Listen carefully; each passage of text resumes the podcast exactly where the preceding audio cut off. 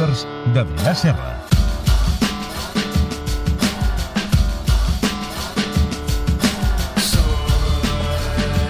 Adrià Serra, com estàs? Bé, bé, bé. prou bé, sí. Prou bé? Prou bé, molt, molt bé, molt bé. Encantat? Cantadíssim de la vida. Satisfet de venir al Club de la Mitjanit? Sempre, sempre.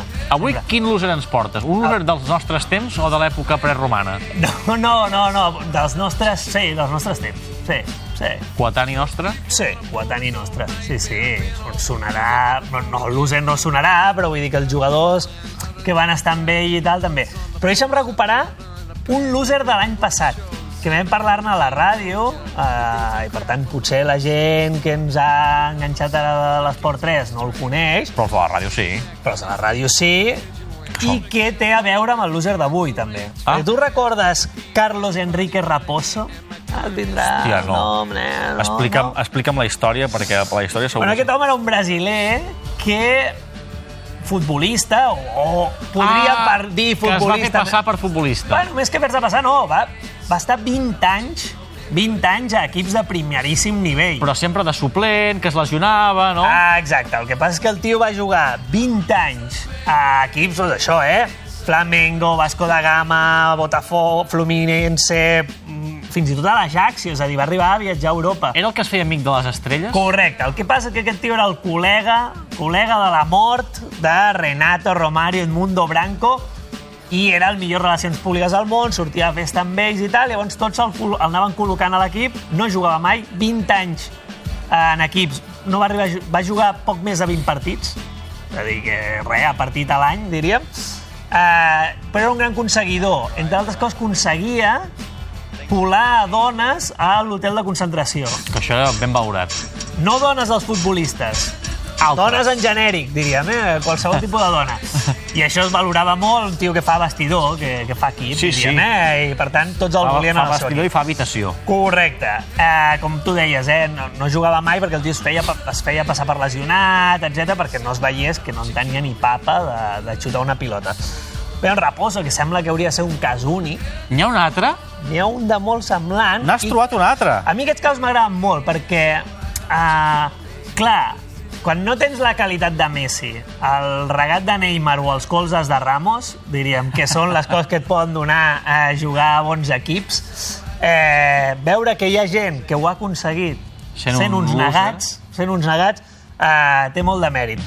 I avui parlarem d'un d'ells, concretament de Harvey Esajas. Harvey Esajas. Sí, que vindria a ser el raposo europeu, una mica, val?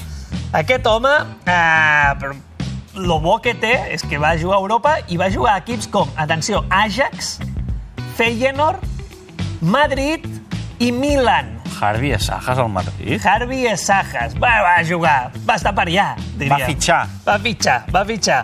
Eh, quina és la sort, a més de Harvey Esajas? Que no va necessitar fer molts amics. No era amic de molta gent, era amic d'un. Concretament de Clarence Seedorf.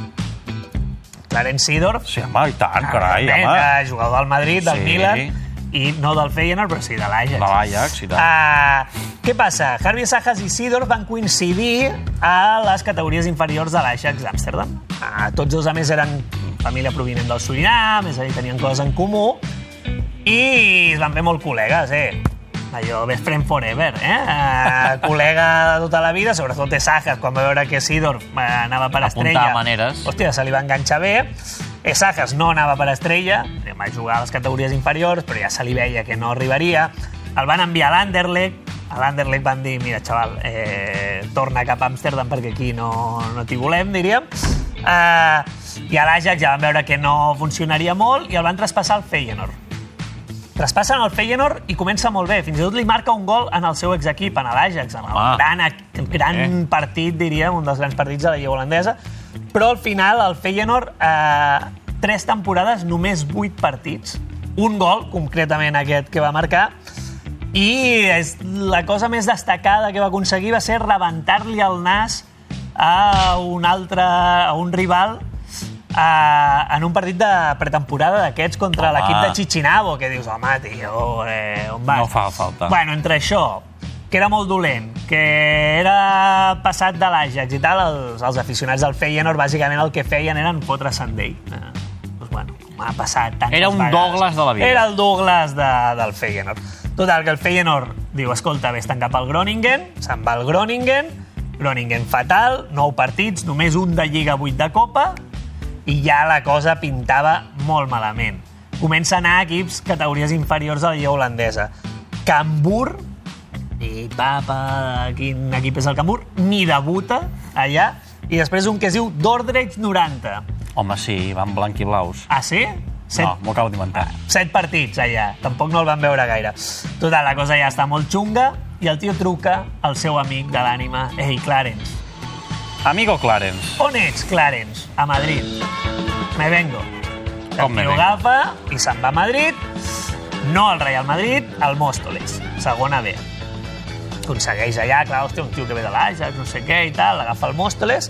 El Móstoles no juga gaire i a més es trenca el tendó d'Aquiles. Mm. Nya! Nya!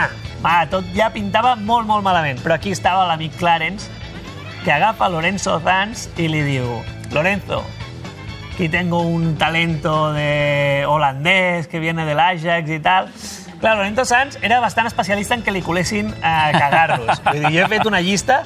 Elvir Balic, Edwin Congo, Ognjenovic, Petkovic...